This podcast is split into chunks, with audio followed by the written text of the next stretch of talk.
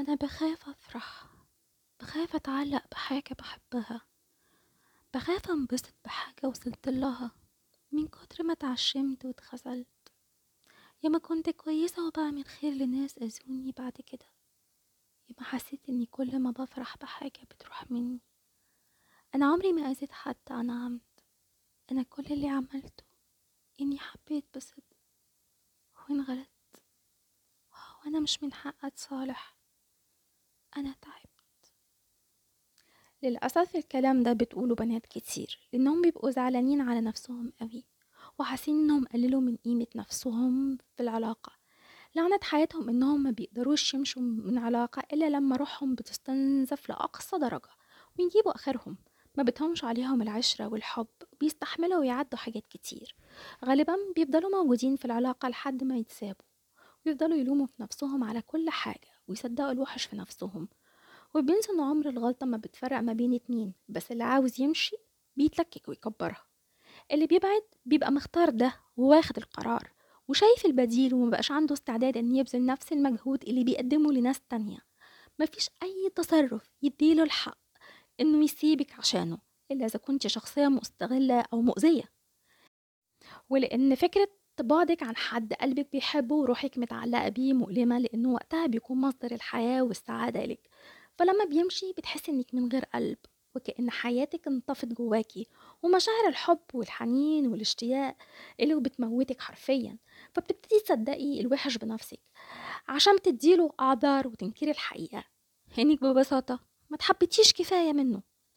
لما بيكون في حب كلنا بنستحمل وبنعافر وبنتعب عشان نحافظ على بعض. بنستخدم مفهوم التسامح مع النقص اللي أساسه التسامح مع عيوب بعض وتقبلها لأن مفيش حد تفصيل على مزاج التاني والكمال لله وحده. نسامح ونعدي غلطات بعض لأننا مش ملايكة.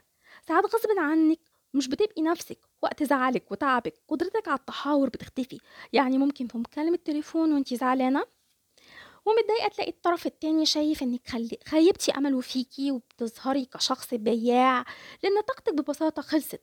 ساعتها ممكن تفقدي اغلى إنسان عندك لمجرد إنك قصرتي معاه والحوار بينكم اختفى.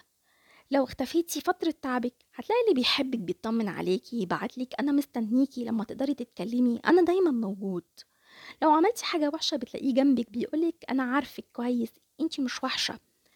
أما تغلطي فيه وأول لما تعتذري يسامحك لأنه عارف إنه مش قصدك وعارف إنك شخص كويس ولأن حبك جواه أكبر من أي غلط. لأنه حب روحك. اللي بيحب روح حد مش زي اللي بيحبك علشان شكلك أو لأنك بتحققي له إشباع لرغبة معينة أو لأنه عاوز منك هدف معين بيحاول يوصله اللي انبهر بشكلك أول لما بيلاقي الأجمل بيروح له. والرغبة أو الهدف اللي عنده سواء أشبعها منك أو ما قدرش هيروح يدور عليها عند غيرك.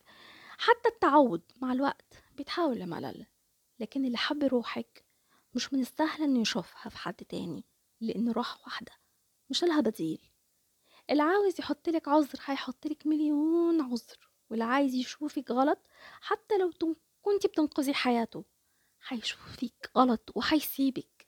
انت عمرك ما هتقدري تتحكمي في نفسك طول الوقت وتمنعي الزعل والحزن والتعب والإحباط.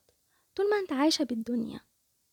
بس اللي تقدري تعمليه انك تفرقي ما بين الحب والخداع أو الانبهار أو التعلق. لازم تعرفي إن الشخص اللي فاهم حقيقة قلبك بصرف النظر عن تصرفاتك. اللي عمرك ما تتكسفي لما يشوفك مهزومة ولا تجرحك طبطبته عليكي. أو تحسيها شفقة لأنها متغلفة بالحب. الشخص اللي يحبك كفاية ويحضن خوفك وحزنك وعارف إنك مش بالسوء اللي العالم شايفه. اسألي نفسك هل الشخص ده هيحبني دايما رغم كل خوفي وعيوبي وندوبي؟ رغم إني شايفة نفسي شخص سيء في معظم الأوقات. هل هيحبني لما ما نفسي؟ هيحبني لو ما شافنيش بنفس الوش اللي اتعود عليه؟ هل هيحبني في انهياري وانكساري ويأسي؟